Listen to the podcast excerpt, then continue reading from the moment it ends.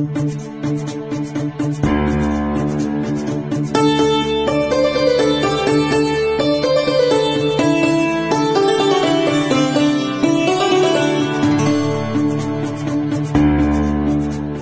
समावेशी सुशासन र उत्थानशील समुदाय निर्माणका लागि हाम्रो प्रयास। नमस्कार। देशभरिका सामुदायिक रेडियोहरूको नेटवर्क सीआईएनबाट प्रसारण भइरहेको रेडियो कार्यक्रम प्रयासमा तपाईंलाई हार्दिक स्वागत छ। यो कार्यक्रम डब्लूडब्लूडब्लू dot CIN Khabar dot com CIN apps Facebook page CIN Khabar साथै सुर्खेत र धनुषाका विभिन्न सामुदायिक रेडियोसँगै देशैभरका तीन सय भन्दा बढ़ी सामुदायिक रेडियोबाट सुन्दै हुनुहुन्छ। कार्यक्रमको साथमा छौ सजना तिमल सिन्हासँगै म उषा तामाङ यो परियोजना युरोपियन युनियनको आर्थिक सहयोगमा Voluntary Service Overseas VSO Nepal युवा संस्था सञ्जाल ion Friends Service Council Nepal FSCN र सामुदायिक रेडियो प्रसारक संघ अकुराबको सहकार्यमा तयार पारिएको हो। कार्यक्रमको शुरूआतमा एउटा सचेतनामूलक सन्देश सुनौ। अपनाउ है सुरक्षा बनी होसियारी विपद प्रकोपको गर्दै पूर्व तयारी। बाढी पहिरो भूकम्प र आदि बिहारी। गर्छ विनाश गाउँ सहर केही नहेरे। बनौ सजग चेतनशील अपनाई होसियारी प्रकोपबाट बच्न सुरु गरौँ पूर्व तयारी। कोभिड उन्नाइस अर्थात कोरोना भाइरसको महामारी विरूद्ध लड़िरहँदा बाढ़ी पहिरो डुबान आदिले निम्त्याउने विपदको पूर्व तयारीमा स्थानीय सरकार र आम समुदाय जुट्नु पर्दछ। आफ्नो समुदायमा आउन सक्ने सबै प्रकारका विपदबाट मानवीय र भौतिक क्षति हुन नदिनका लागि स्थानीय तहसँग मिलेर सबै समुदाय तयारीमा बस्नु पर्दछ। युरोपियन युनियनको आर्थिक सहयोगमा भीएसओ अकुराग एफएससीएन र आयोनद्वारा सञ्चालित प्रयास परियोजना। नियमित रूपमा भइरहने प्राकृतिक विपदले महिला बालबालिका युवा शारीरिक अपाङ्गता भएका व्यक्ति र अन्य सीमान्तकृत समुदायलाई तुलनात्मक रूपमा बढ़ी संकटासन्नताको अवस्थामा पुर्याएको छ। जलवायु जन्य तथा अन्य प्राकृतिक विपदको सामना दिगो रूपमा गर्न युवा तथा युवा संस्थाहरूको सक्रिय भूमिका सहितको नीतिगत खाका तथा योजनाहरू आवश्यक पर्ने कुरालाई प्रयास परियोजनाले मुख्य एजेण्डा बनाई गतिविधि गर्दै आइरहेको छ। युवा मैत्री स्थानीय विपद तथा जलवायु उत्थानशीलता निर्माणका लागि आवश्यक नीति तथा योजना निर्माण मार्फत उपयुक्त कार्य वातावरण सृजना गर्न सहजीकरण गर्ने उद्देश्य परियोजनाले लिएको छ। आजको कार्यक्रममा हामी स्थानीय तहमा निर्वाचित जनप्रतिनिधिसँग कुराकानी गर्दैछौ। जेठ पन्ध्र गते आगामी आर्थिक वर्षका लागि बजेट सार्वजनिक गरेको सरकारले जलवायु परिवर्तनको प्रतिकूल असरलाई न्यूनीकरण गर्न अनुकूलनका कार्यक्रम सञ्चालन गर्ने घोषणा गरेको छ। स्थानीय तहले पनि असार दश गतेभित्र नीति कार्यक्रम र बजेट सार्वजनिक गर्नुपर्ने व्यवस्था छ। वैशाख तीस गते सम्पन्न भएको स्थानीय तह निर्वाचनबाट निर्वाचित भएका जनप्रतिनिधिहरू आगामी आर्थिक वर्षका लागि नीति कार्यक्रम र बजेट तयार गर्न लागिरहेका छन्। जलवायु परिवर्तन अनुकूलन र विपद जोखिम न्यूनीकरण गर्न ओडा तहमा निर्वाचित जनप्रतिनिधिको योजना के छ? यसै विषयमा आज हामी कुराकानी गर्दैछौ। कार्यक्रमको शुरूआत गरौं सुर्खेत जिल्लाबाट। नीति कार्यक्रम र बजेटको तयारीमा जुटेको सुर्खेतको वीरेन्द्रनगर नगरपालिका वडा नम्बर दसका अध्यक्ष डिलबहादुर रखालसँग हामीले कुराकानी गरेका छौं। अक्सर गरेर अन्य जोखिम भन्दा पनि यो बाढ़ी कै जोखिम एकदम उल्लेख्य छ र बीचमा एउटा इतराम खोला छ र अनि खोलाको बहाव बढेपछि यो माथिल्लो साइडमा कटान गर्ने र बाढी बस्तीमा पस्ने र जो तल्लो एरिया छ जो रहलपुर एरिया त्यहाँ डुबान। डुबान हुने गरेको छ। त्यसमा चाहिँ दस ओडाले अब योभन्दा अगाडि नै विपद जोखिम न्यूनीकरणको एउटा चाहिँ समिति पनि गठन गरेको छ तीन ठाउँमा। मनिकापुर त्यसपछि रलपुर र यो इत्राम खोला जो अब रतनगरको छेउछाउको दलित बस्ती ढिकढाकमा भएको हुनाले त्यो ठाउँमा बस्ती पसेर पहिला एकहत्तरमा पनि त्यसरी नै क्षति गरेको हुनाले त्यो छ र अनि तपाईँ युएनडिपी त्यसपछि के अब जस्तै प्रेस नेपाल अन्तर्गतका अब साझेदारी संस्थाहरूले यसमा चाहिँ सचेतनामूलक कार्यक्रम अस्ति पनि हजुरको हामी बुलबुलेमा रेस्क्यु कसरी गर्ने भन्ने कुरामा पनि हामी त्यो तालिममा सहभागी भयौँ। यसै गरेर हाम्रो एक दिने ओरिएन्टेसन तालिमहरू पनि लिने काम भयो र विपद आएको बेला कसरी न्यूनीकरण गर्न सकिन्छ र विपद पूर्व र विपद पछिका कुराहरू यो अभ्यासहरू कसरी गर्ने भन्ने सम्बन्धमा तिनी कुराहरू भयो र हाम्रो दस नम्बरमा यो सिटी बस पार्क छ विराटनगर छ नजिकैको। अहिलेका पाँच छ सात र आठ नम्बर वडाबाट जो आउने जो पानी छ ढल त्यो सिधै बस्तीमा गएर त्यसपछि क्षति हुने गरेको छ। त्यस्तै गरेर यो हाम्रो पुरानो सञ्चय कोष भन्छ यो हाम्रो दस नम्बरको मध्य भागमा भएको। त्यसमा पनि डुबान भएर माथिको जो अब माथिल्ला ओडाबाट आउने पानीको बहावहरू आएर अनि त्यो अनुसारको बाटो नै अब भनौँ न हाइवे नै क्रस गरेर नागेर भल पस्ने गरेको हुनाले त्यो अनुसारको यस्तो छ। त्यसै गरेर अब तपाईँको एयरपोर्ट दक्षिण भागमा पनि यस्तै छ। तपाईँको बाह्र नम्बर वडा र एयरपोर्टको पानी आएर हाम्रो चाहिँ एकदम क्षति हुने र पलासी जन्ने पदार्थहरू बगाएर सिसी बोतल बगाएर खेती जमिनमा त्यही अनुसारको क्षति गरेको छ। हाम्रो अक्सर गरेर अब कहिलेकाहीँ अब यो अस्तिको असोजको महिना पनि अब विपद एउटा विपद आयो। विपद अन्तर्गतको धान खेतीहरू डुबायो होइन? क्षति भयो त्यो अनुसारको यस्तो छ र प्रायः अब हुरी बतास भन्ने कुरो त कुनै सिजनमा केही टाइम त्यो सर्टेन टाइममा आउने भावनाले बर्खाको टाइममा हाम्रोमा विपद भनेको हाम्रो चाहिँ बाढी डुबान र कटान नै हो। अब यति धेरै समस्या यो त आज भोलिकै अथवा अघिल्लो वर्षको मात्रै पनि होइन होला। यो त निरन्तर दोहोरिरहेकै छ होला यस्तो समस्या। अब तपाईँको नेतृत्वले यो समस्यालाई निराकरण गर्नु छ अथवा न्यूनीकरण गर्नु छ सकेसम्म निमिट्यान नै पार्नु छ। त्यसो हुँदाखेरि यही वर्षबाट चाहिँ कस्तो खालको शुरूआत गर्दै हुनुहुन्छ त? हजुर त्यसको लागि त वीरेन्द्रनगर नगरपालिकाकै अब यो गुरु योजना अन्तर्गतकै अब कार्यक्रम पर्छ र पहिलाको कार्यक्रममा पनि यो नीति तथा कार्यक्रममा यो राखेकै जस्तो लाग्छ। र अब अस्तिको हाम्रो कार्यपालिकाको पहिलो बैठकमा पनि मैले यिनी कुराहरू चाहिँ उठाएकै हो। यसलाई चाहिँ दीर्घायु र पछिसम्मको नै भविष्यमा नै क्षति हुन नदिनको लागि यो चाहिँ भिजन सहितको एउटा चाहिँ अभ्यास गर्ने एकदम जरुरी छ। र यो हाम्रो यो मौडा चाहिँ भइसकेपछि अवस्थामा पहिलो कार्यपालिकाको मिटिङमा मैले त्यो त्यस सम्बन्धी आवाज चाहिँ उठाएको छु। र अब यस्तो छ कि अब तिनी अब जस्तो दस नम्बरभित्र आउने जस्तो पहिलाका जो थिए होम पाइप होम पाइपहरू थियो जो अब जस्तै दस नम्बर कृषि पकेट क्षेत्र हो र त्यो होम पाइपबाट माथिबाट अब आउने पानीको सहाराले यहाँ खेती खेती किसानी हुन्थ्यो। भने अब अहिले खेतीयोग्य जमिनमा भनौँ न अब यो अस्तव्यस्त अझै घरहरू अब जस्तै प्लानिङ बिनाका घरहरू बनिसकेका छन् त्यो बाहनाले। अनि यहाँ अलिकति त्यो जटिल भएको थियो र हामी गुरु योजना बनाएर तत्काल हामी यसमा चाहिँ अगाडि बढ्ने प्रयासमा छौँ र हाम्रो कार्यदिशा पनि त्यही हुनेछ। युवा परिचालन लगायतका कुराहरू नौलो त होइन तथापि प्राथमिकता कति दिने भन्ने कुरामा भर पर्ने विषय पनि हो। तपाईँको नेतृत्वले विपद जोखिम न्यूनीकरणका लागि कसरी प्राथमिकता दिनेछ? अब युवा भनेको त अब हजुरको देशकै कर्णधार हो होइन? जति बेला परे पनि हाम्रो क्षति न्यूनीकरणको लागि अब युवा नै अहम भूमिका रहने गर्छ र रहन्छ पनि। त्यसकारण अब हामीले हाम्रो पनि यो जो विपद जोखिम न्यूनीकरणमा हामी चाहिँ एउटा चाहिँ समिति बनाएका थियौँ। त्यो समिति अन्तर्गत हामीले चाहिँ युवा नै अब जस्तै सकभर त हामी युवामा पनि दक्ष जस्तै नेपाली सेना र नेपाल प्रहरी यस्तै चाहिँ हामी त्यस्तो किसिमको जस्तो रेस्क्यु टोली यस्तो यस्तो पनि गराएका थियौँ। त्यस उहाँहरूको कमान्डिङमा हामी युवा पनि परिचालन गरेका थियौँ र युवा कस्तो रहेछ भन्नुहुन्छ भने परेको खण्डमा त युवा त हो तर युवा त अब अवसरको खोजीमा छ।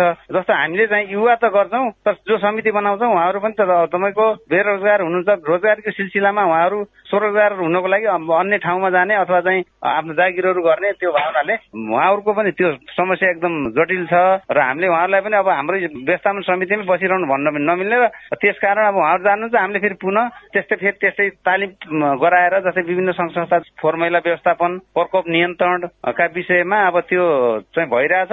मैले पनि यो अवस्थामा युवालाई लिएर अब कसरी हुन्छ त अगाडि कसरी बढ्ने जस्तो कि हजुरहरूको पनि सरसल्लाह सुझाव होइन? अब त्यही अनुसारको सुझाव सल्लाह लिएर म एकदम अगाडि बढ्ने तत्पर छु जलवायु परिवर्तनको विषयमै कुरा गर्ने हो भने यसको असर व्यापक रूपमा देखा परेको छ। सबैले यसको असर भोगिरहनु भएको छ। तर वास्तवमा जलवायु परिवर्तन चाहिँ के हो? यसले चाहिँ हामीलाई कसरी असर पुर्याइरहेको छ भन्ने कुरा धेरैले जानकारी छैन। हुन त त्यो ओडामा प्रयास परियोजनाले र अघिल्लो कार्यकालले पनि धेरै कामहरू गरेको छ। अब तपाईँको कार्यकालमा थप बुझाउने थप यस विषयमा देखि नै नतिजा आउने गरेर काम गर्नको लागि तपाईँले कस्तो खालको तयारीहरू गर्नुपर्ने होला? सर्वप्रथम त अब हामीले त्यही अनुसारको एउटा समिति अब जस्तै हाम्रो के अरे वडा स्तरीय कार्यक्रममा पनि विपद जोखिम न्यूनीकरण भन्ने त्यो पनि हुन्छ। र हामीले विपद जोखिमको सवालमा हामीले कोष पनि खडा गरेर राखेका छौँ होइन? तर हामी कस्तो छ भन्नुहुन्छ भने अब जब जोखिम आउँछ त्यो हामी तात्छौँ र जब जोखिम अब हामीदेखि टाढा हुन्छ अथवा आउँदैन तर हामी सुस्ताएको अवस्था छ होइन? तर विपद भनेको अब तपाईँको जोखिम विपद भन्ने कुराहरू म आउँछु भनेर आउने त होइन तर हामी अलर्ट रहनको लागि पहिले नै अब जस्तै तालिमहरू होइन त्यसपछि तिनी कुराहरूको एकदम चाहिँ मैले मैले एक नम्बरमा राखेको छु। र आगामी दिनमा म त्यसप्रति हजुरहरूको पनि साथ सहयोग लिएर अगाडि बढ्ने कुरामा म एकदम विश्वस्त छु। तपाईँ पहिला पनि त्यहाँनिर सायद ओडा सदस्यको रूपमा निर्वाचित हुनुभएको थियो पाँच वर्ष बिताउनु भयो अहिले ओडा अध्यक्षको रूपमा अपग्रेड हुनुभएको छ। यसो हुँदाखेरि पाँच वर्ष अनुभव तपाईँसँग पक्कै छ। बीएसओ नेपालले सञ्चालन गरेको प्रयास परियोजनाको गतिविधि बारे पनि तपाईँलाई थाहा छ। आगामी दिनमा प्रयाससँग चाहिँ कसरी कोर्डिनेसन गरेर जाने सोच्नु भएको छ त? जस्तो अब प्रयास नेपाल भनेको जोखिम प्लस चाहिँ विपदसँग चाहिँ अब जोडिएर कार्य गर्ने एउटा संस्था हो होइन? त्यसरी नै अब हामी पनि स्थानीय स्तरबाट कसरी हुन्छ मैले अघि पनि भने उहाँहरूको सल्लाह सुझाव लिएर कसरी त अब आफ्नो वडालाई विपद जोखिमबाट न्यूनीकरण गर्न सकिन्छ भन्ने विषयमा त प्रत्येक जनप्रतिनिधिको अब चिन्ताको विषय नै हो। तर पनि यस विषयमा के हुन्छ भन्नुहुन्छ भने गोष्ठी हुन्छ कार्यक्रमहरू हुन्छ त्यही अनुसारको हामीले चाहिँ कोठाभित्र कार्यक्रम गर्छौँ र कोठा बाहिर जाँदाखेरि त्यो के हुन्छ भन्नुहुन्छ भने त्यसलाई अलिकता तपाईँको लगाम अलिक कम भए जस्तो छ। मैले चार वर्ष पाँच वर्ष कार्यकालमा अनुभव गरेको र हामीसँग रेस्क्यु सामग्रीहरू पनि हामी तिन ठाउँमा चाहिँ अब त्यति बेलाको अवस्थामा पनि रेस्क्यु गर्ने सबै सामग्रीहरू संस्था मार्फत हामीले चाहिँ पाएका थियौँ। र आगामी दिनमा हुने चाहिँ जोखिमलाई न्यूनीकरण गर्नको लागि मैले सर्वप्रथम त अब एउटा चाहिँ विपद जोखिम न्यूनीकरणको एउटा समिति बनाएर त्यसमा चाहिँ रेस्क्यु गर्ने जस्तै डुबान हुन्छ। जस्तै भनौँ न डुबान हुने ठाउँ कसरी रेस्क्यु गर्ने कटान हुने ठाउँ कसरी रेस्क्यु गर्ने आगलागी बाटामा कसरी चाहिँ हुनुलाई उद्धार गर्ने भूकम्पीय त अब आउनु आउँदैन त भन्न त मिलेन। तर पनि अब हाम्रोमा अक्सर गरेर अहिले डुबान कटान भावनाले यसमा अब हाम्रो वडा समितिको टिम छिटै नै अब यसमा चाहिँ अब हामी दोस्रो हाम्रो पहिलो मिटिङ बसिरहेको छ। दोस्रो मिटिङमा हामी यो सम्बन्धमा गहन रूपमा छलफल गरेर विज्ञ अब बाट अब कसरी गर्न सकिन्छ त यसलाई कसरी दीर्घायु रूपमा गर्न सकिन्छ भन्ने बारेमा म सरसल्लाह गरेर छलफल गरेर अगाडि बढ्ने कुरामा विश्वस्त छु। विभिन्न खालका समितिहरू बनाइएका होलान्। ती समिति कतिका सक्रिय छन् र त्यसमा थप पुनर्विचार गर्नुपर्ने लगायतका कुराहरूमा तपाईँको ध्यान पुगेको छ कि छैन? त्यसमा त पक्कै पनि अब ध्यान त नपुग्ने होइन पुग्ने नै छ। अगाडिको मेरो पाँच वर्ष कार्यकालको अनुभवले पनि अलिकता मलाई अब केही नभए पनि हन्ड्रेडमा हन्ड्रेड नभए पनि हन्ड्रेडमा फिफ्टी पर्सेन्ट बराबरको मलाई अनुभव छ। तर त्यही अनुभवलाई टेकेर त्यो अनुसारको अगाडि बढ्ने कुराहरू छन् समिति बन्छन् समिति बन्यो। त्यसपछि तपाईँको समितिलाई अलिकति चाहिँ ऊर्जावान बनाउनलाई अलिकति गाह्रो देखियो। समिति बनाउँछौ समिति बनाउने बेला अस्ति पनि हामी त्यो विपदकै हाम्रो दस नम्बरको हाम्रो एउटा संयोजक बनाएको थियौँ। उहाँ कहाँ आउनुहुन्छ भनेर एकदम खोजी गर्दाखेरि उहाँ जुम्लामा व्यापार गर्नुहुन्छ भन्ने भयो। जब हाम्रो यहाँ विपद होला उहाँ जुम्लामा जुम्लाको मान्छे भनौँ न एउटा आएर एउटा कुरा ट्रेडिङ हामीले दिइसकेपछिको अवस्थामा त्यो अलिकति गाह्रो भयो। र हामीले अब स्थानीय स्तरमा जो अब समाजसेवी पनि होस् र आफ्नो चाहिँ वडा र वडासँग सहकारी सहजीकरण गरेर त्यस्तो गर्ने अब भनौँ त्यस्तो बेला विपदको बेलामा एकदम तपाईँको रेस्क्यु गर्ने अब त्यस्तो टाइपको टिमको चाहिँ एकदम आवश्यकता भए हुनाले अब हामी त्यही त्यही अनुसारको समितिको मिटिङ बसेर हामी निर्णय गरेर त्यस्ता व्यक्तिको हामी खोजी गरेर गरेर हामी यहाँ त्यो तत्काल हामी त्यो व्यवस्था गर्ने गर्ने मेरो चाहिँ सोच छ। अबको पाँच वर्षमा तपाईँको ओडामा कस्तो खालको कामहरू भएको हुनेछ? त्यो छोटोमा बताइदिनुहोस् त मलाई। जलवायु परिवर्तनको बारेमा हाम्रो कोष पनि छुट्टै छ। र त्यो कोष प्लस चाहिँ विभिन्न सङ्घ संस्थाको सहयोग लिएर उहाँहरूसँग चाहिँ सहयोग अथवा चाहिँ त्यो अन्य भनौँ न विज्ञको सरसल्लाह अनुसारको कुरा लिएर के आवश्यक छ? जस्तै पाँच के अरे पाँच वर्षमा मैले उनले नै हन्ड्रेडमा हन्ड्रेड पर्सेन्ट भन्ने कुरो त कसैले पनि यो गर्न सकेको अवस्था पनि छैन र गर्न पनि सकि सकिँदैन। तर पनि अब मौसम परिवर्तन भनेको अहिले भर्खर घाम लागेको छ। अब तपाईँको एकछिनपछि अब त्यो अर्को कन्डिसन आउला होइन? त्यो आउनलाई अलर्ट रहनको लागि अब हामीले चाहिँ विभिन्न स्तरमा तिन स्तरमा चाहिँ जनचेतना जगाउने होइन? जस्तै अब हजुरहरूले पनि त जस्तै अब एफएम रेडियोहरू पत्र पत्रिका मार्फत पनि त अब जस्तै अस्तिको मनसुन हाबी हुनेछ सक्रिय हुँदैछ। अब त्यो अनुसारको जोखिम क्षेत्रका सबै बासिन्दाहरू है अलर्ट रहनु अथवा चाहिँ सुरक्षित स्थानतर्फ भन्ने कुराहरू आयो। त्यस्तै कुराहरू अब हामीले पनि त्यही अनुसारको वीरेन्द्र नगरपालिका अन्तर्गतको दस नम्बर वडाले पनि यस्ता उसमा चाहिँ जनचेतना जगाउने कुराहरू भए त्यसपछि जोखिम न्यूनीकरणको लागि जो हाम्रो कटान र डुबान छ डुबानको लागि त अब हामीले चाहिँ निकासको निकास खोलामा अघिल्लो वर्ष नै हामीले चाहिँ अग्लो र होचो भूभाग थियो त्यसलाई चाहिँ कटान गरेर चाहिँ बोक्ने बनाइसकेको अवस्था छ भनेपछि माथि र आउने जस्तो आठ आठ नम्बर बाह्र नम्बर र छ नम्बर आउने चाहिँ भेललाई हामीले चाहिँ व्यवस्थित गरेर खोर्के खोला र न्यायर खोलामा इतराम खोलामा बाइपास गरेर अब जोखिमलाई एकदम अब न्यूनीकरण गर्नको लागि एकदम हाम्रो पहल कदमी छ भन्ने कुरा राखे मैले अब कुरा गरिदिनु भयो त्यसको लागि धेरै धन्यवाद। हस् धन्यवाद। संघ सरकारले विपद जोखिम न्यूनीकरण गर्न बहुप्रकोपीय पूर्व चेतावनी राष्ट्रिय प्रणाली स्थापना तथा बहुप्रकोपीय जोखिम आंकलन प्रणाली स्थापना गर्ने घोषणा गरेको छ। सुर्खेतको लेगबेसी नगरपालिकाको ओडा नम्बर आठले कस्तो कार्यक्रम ल्याउला? ओडा अध्यक्ष टीकाराम छन्तेललाई हामीले सोधेका छौं। विपद जोखिमको प्रकोप अथवा प्रभाव चाहिँ यहाँ चाहिँ बढी जस्तो यो बाढी पहिरोबाट नै भएको छ। दुई हजार एकहत्तरको बाढी पहिरो यहाँ चाहिँ क्षति पुर्यायो।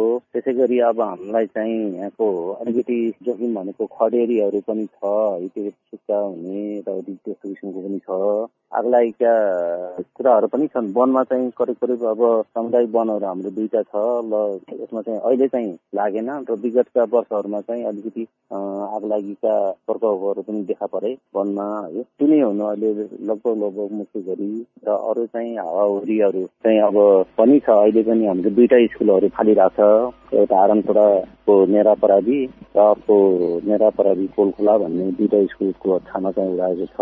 हावाहुरीबाट अलिक पनि भनौँ न बस्तीलाई अलिकति असर पुर्याउँछ।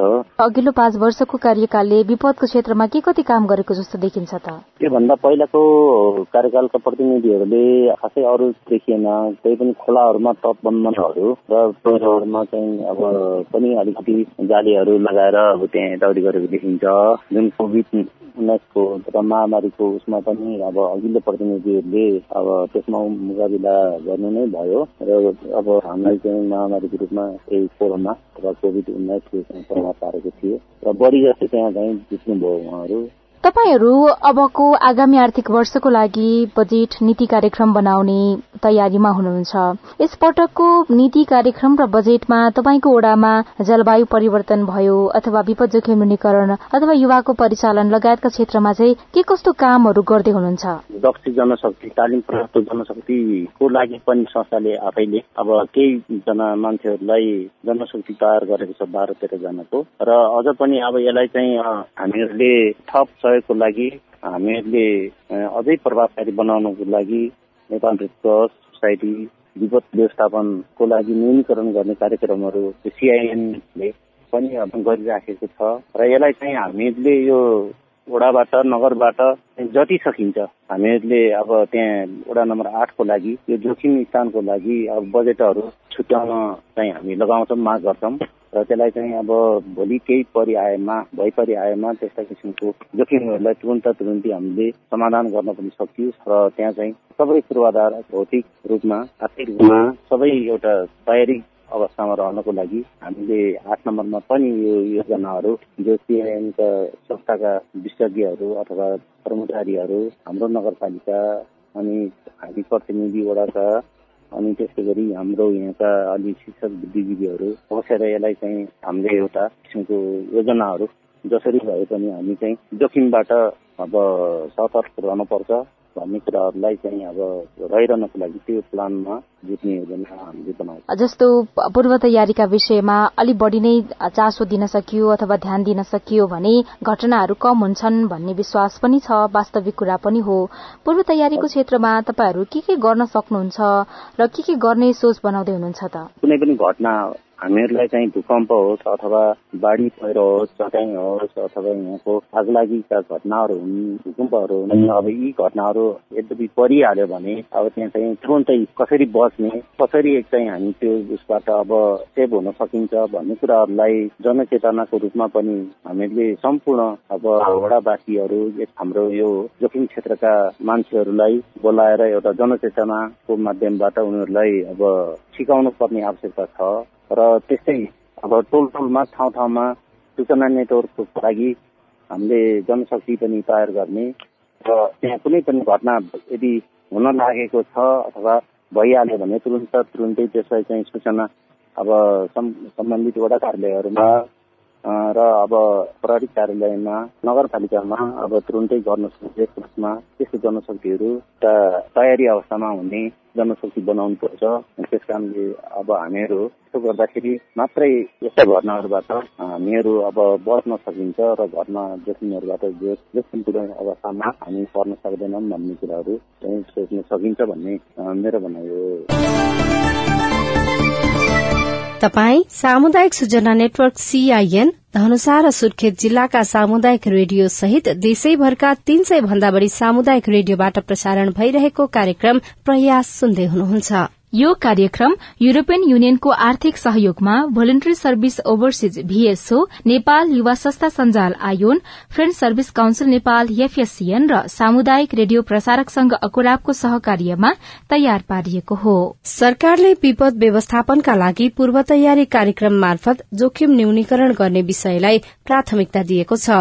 सुर्खेतको भेरीगंगा नगरपालिका वडा नम्बर दुईमा विपदको जोखिम न्यूनीकरण गर्न पूर्व तयारीलाई नै प्राथमिकता दिने गर्ने ओडा अध्यक्ष चिरञ्जीवी बुढाले बताउनुभयो। बाढी अनि पहिरो दुईटा हाम्रो चाहिँ विशेष गरी हाम्रो एउटा ग्रामीण क्षेत्र भएकाले बढी पहाडी भूभाग र बस्तीहरू पहाड पहाडी इलाकामा भएकाले अलिकति पहिरो त्यसपछि अलिकति केही तल नदीजन्य भेरी भेरीले पनि हाम्रो दुई भूभागमा छुवा कारणले अलिकति हामीलाई बाढीको ड्याम भएर अनि दुई तिनवटा बस्तीहरू एकहत्तरमा पनि गएको थियो र अहिले पनि त्यस्तै सम्भावना भनौँ न। अहिले पनि त्यस्तै खालको देखिरहेको अवस्था छ। त्यही भएर हामी पूर्व तयारी हामी बसेर गर्छौँ होला। अघिल्लो वर्षको प्रदेश सरकारबाट अहिले आएको बाढी पीडित र क्षतिपूर्ति भन्ने अहिले रकम नगरपालिकामा आएको छ। त्यो पनि हामीले अब नयाँ उसले खाता खोलेर कृषि विकास बैङ्कबाट नगरपालिका सम्बन्धी गरेर प्रदेश सरकारबाट आएको पैसा जुन कि बाढी पीडित भनेर लेखाएको थियो त्यो रकम चाहिँ अहिले बाढ़ी र पहिरोको जोखिम देखिँदै गर्दाखेरि त्यसको पूर्व तयारीको लागि पनि केही कामहरू गर्न सकिन्छ होला। यस बारेमा केही परामर्श अथवा आवश्यकताकै महसुस चाहिँ भएको छ कि छैन? हामी समन्वय गरेर वृक्षारोपण लगायत तटबन्धका लागिरहेछौँ अहिले पनि बिचमा हाम्रो तटबन्धको जालीको काम भइराखेको छ। र अब बर्खायाममा विशेष गरी हामीले वृक्षारोपणको कार्यक्रमहरू पनि ल्याउने जस्तो हामीले कुरा गरिरहेका छौँ। र अहिले तटबन्धको काम पनि भइरहेको छ। फेरि दुईमा भइरहेको छ। बर्खायाममै हामीले वृक्षारोपण गर्नुपर्ला। बाढ़ी र पहिरोको जोखिममा रहेका स्थानीयवासी भनौं अथवा त्यहाँका सर्वसाधारण नागरिकहरूको खास अनुरोध चाहिँ के हुन्छ? तपाईँहरू मार्फत उहाँहरूले के चाहिँ चाहनुहुन्छ? बुझ्नु भएको छ यो कुरा? ग्रामीण बस्तीमा बसाई छ बसाई हुन्छ। अनि अब समातल भूभाग छैन। अब त्यो कारणले पनि उहाँहरूको अब पानी बढी पऱ्यो कुनै वर्ष बर्खायाममा बढी पानी हुन्छ र कुनै बर्खायाममा कम भएको कारणले उहाँहरू क्षति भयो भने हामीलाई चाहिँ तटबन्धको बढी व्यवस्थापन गरिदिनु पर्यो हामीलाई। अनि सानो साना खरेहरू तिनीहरूलाई जालीको तटबन्ध व्यवस्था गरिदिनु पर्यो भन्नुहुन्छ। विशेष गरी त्यही छ अहिले हाम्रो उहाँहरूको माग अनुसार तपाईँहरूले ती कुराहरू पूरा गर्न सक्ने स्थिति छ कि छैन? साधारण तरिकाले अहिले दुई चारवटा ठाउँमा त सबै ठाउँ पुरा गर्न नसकिने अवस्था छ होइन? अब अलिअलि सानो किन हामीले सक्ने जति हामीले चाहिँ पहल गरेर दुई चार ठाउँमा तटबन्धको व्यवस्थापन भएको छ सक्ने चाहिँ सकिएको छैन अहिले। योजना सम्झौताको कुराहरू अथवा योजना छनौटका कुराहरू पनि बिस्तारै चल्दैछ होला ओडामा होइन? यसै वर्ष विपदको क्षेत्रमा गर्नै पर्ने अथवा यति गरिदियो भने अर्को पटकको विपदमा चाहिँ विपद जोखिम न्यूनी जोखिम केही न केही हदसम्म न्यूनीकरण हुन्छ भन्ने हिसाबले केही तयारीहरू गर्दै हुनुहुन्छ कि हुनुहुन्न? योजना तर्जुमा गर्दा हामीले विशेष गरी अब ओडामा गर्ने योजना र नगरमा र प्रदेशमा पठाउने योजना भनेर छनौट गर्नुको क्रममा छौँ। हामी अलि नयाँ होइन पहिलो अनुभव भएको कारणले पनि हामीले हाम्रो वडाको कहाँसम्म कुन कुन योजनाहरू तर्जुमा गर्दा ठिक हुन्छ? हामीले त विपदको लागि त हामीले जाली तत्पन्धको लागि त हाम्रो अलिक पुँजी बढी भाकानले हामीले परदेशै पठाउने निर्णय गरेर हामीले एकदमै तर्जुमा गरिरहेका छौँ। छलफलमै छौँ हामी लागिरहेछौँ। अब बिस्तारै यी सबै कुराहरू त गर्नै पर्नेछ। विपदको हुन त विपद कहिले आउँछ कस्तो खालको विपद पर्ने हो भन्ने कुरा त पक्कै थाहा हुँदैन। तर पनि प्रतिकार्यका लागि योजनाहरू त पक्कै बनाउनु पर्छ होला। ओडामै पनि त्यस्ता खालका योजनाहरू बनाउनु पर्ने होला। त्यसतर्फ चाहिँ तपाईँहरू कतिको अग्रसर बन्ने योजनामा हुनुहुन्छ? सबैभन्दा बर्खायाममा भनौँ न दैविक प्रकोप पीडित अवस्थामा हामी संरक्षण हुने भनेर एउटा जनचेतना अभिमुखीकरण एउटा तालिम जस्तो अथवा ठाउँ ठाउँमा हामी सूचना प्रभाव हुने खालको बन्ने गर्ने भन्ने हाम्रो छ के अरे होइन? अब विशेष गरी हामी केही नै प्रमुख सबैभन्दा जति हामीले कुन ठाउँमा हामीले संरक्षण भएर हामी एक गएर बस्ने र त्यो कसरी हामीसँग त्यो प्रभावकारी गर्न सक्ने भन्ने छ हाम्रो। युवा परिचालनलाई पनि प्राथमिकताका साथ हेरिन्छ। प्राय स्थानीय तहहरूले युवाहरूलाई अघि पनि सारेका छन् जस्तो तालिम दिने कुरामा भयो विपद आइपरेको अवस्थामा उद्धारदेखि राहतसम्मका कुराहरूमा। तपाईँहरूको ओडामा पनि त्यस्तो खालको कार्यक्रमहरू लागू गर्न सकिन्छ कि? सकिन्छ अब हामी पहिलो अनुभव छ के पहिलो अनुभव छ त्यो कारणले हामी त्यस्तो खालको हामीसँग तालिम ट्रेनिङ केही पनि भएको छैन होइन? अब भयो भने हामी गर्न सक्छौँ। कुन अब निकायबाट कस्तो खालको सङ्घ संस्था दार्जिलिङ निकायबाट आयो भने हामी गर्न सक्छौँ। त्यो अहिले फर्स्ट हुन्छ हामीलाई त्यस्तो खै खासै हामीलाई त्यो जानकारी भएको छैन। गर्न त सकिन्छ भन्ने त एक किसिमको छ होला नि होइन? गर्न सकिन्छ एकदम गर्न सकिन्छ। सुर्खेतपछि अब लागौं धनुषातर्फ। जनकपुर धाम उपमहानगरपालिका ओडा नम्बर अठारका ओडा अध्यक्ष लक्ष्मेश्वर मण्डललाई ओडामा विपदको जोखिम र न्यूनीकरण गर्ने उपायबारे हामीले सोधेका छौं। अठार नम्बर वार्डमा बाढ़ीले त त्यति क्षति गरेको छैन। वर्षा जुन हुन्छ नि त्यसले चाहिँ क्षति गर्छ घर ढालिदिन्छ खेती खतम गरिदिन्छ यही कुरा छ हाम्रो। त्यसलाई चाहिँ हामीले चाहिँ अनुदान दिएर हुन्छ के गरेर हुन्छ त्यो हामी त्यसलाई सकाउँछौँ वर्षौंदेखि यस्तै खालको समस्या झेलिरहँदाखेरि चाहिँ त्यहाँका स्थानीयवासी भनौं अथवा तपाईँको ओडावासी उहाँहरूको खास अपेक्षा चाहिँ के छ? ओडा कार्यालयले के कुरा चाहिँ गरिदियो भनेदेखि हुन्थ्यो होला भन्ने के छ त उहाँहरूको आशा चाहिँ? उहाँको आशा त यहाँ बोर्डिङ सुक्खा जान्छ यहाँ बढी बुझ्नुभयो? बर्सात भन्दा अगाडि खालि सुक्खा जान्छ त्यति हुँदैन भने बाली नाली हुँदैन। त्यसको लागि बोरिङहरू चाहिन्छ। स्टेट बोरिङहरू बोरिङहरू यसले चाहिँ यिनीहरूको चाहिँ माग छ अब योजनाहरू छनौट गर्ने कामहरू पनि भइरहेकै छ होला। यस्तो विपद जलवायु परिवर्तनलाई पनि प्राथमिकतामा राख्नै पर्ने होला। त्यसलाई पनि ध्यान दिनुपर्छ हामीले। कस्तो खालको योजनाहरू छनौट गर्ने सोचमा हुनुहुन्छ त? जलवायु परिवर्तन भयो तपाईँको नदी नालाको विषय लिएर भयो कृषि सम्बन्धी विद्युतीकरण फिचरहरू चाहिँ कमी छ फिचर मगाउने। स्कुल चाहिँ मकान बनाउने स्कुलको स्वास्थ्यमा चाहिँ सम्पर्क गरेर मतलब निशुल्क स्वास्थ्य उपचार गराउने यही कुरा हाम्रो लक्ष्य हो। पूर्व तयारीका कार्यक्रमहरू कसरी अघि बढाउने युवालाई कसरी समेट्ने योजना बनाउनु भएको छ त? युवालाई सुन्नुहोस् न यहाँ त फायर ब्रिगेड छैन जनकपुरमा छ। नगरपालिकासँग त्यसको लागि चाहिँ भन्नुपर्छ आउँदा आउँदा चाहिँ घरै जलिहाल्छ यहाँ।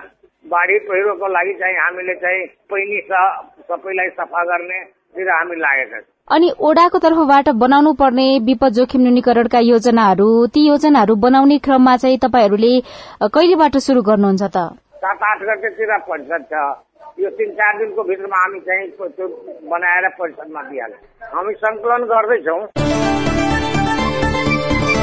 यिनै जानकारी र छलफलसँगै हामी कार्यक्रम प्रयासको अन्त्यमा आइसकेका छौं। आजको कार्यक्रम तपाईंलाई कस्तो लाग्यो? तपाईंलाई पनि केही जान्न बुझ्न अथवा समस्या सुनाउन मन छ भने हामीलाई सम्पर्क गर्न सक्नुहुनेछ। केही प्रश्न प्रतिक्रिया र टिप्पणी छन् भने हाम्रो आइभीआर नम्बर शून्य एक बान्न साठी छ चार छमा फोन गरेर जुनसुकै बेला आवाज रेकर्ड गराउन सक्नुहुन्छ।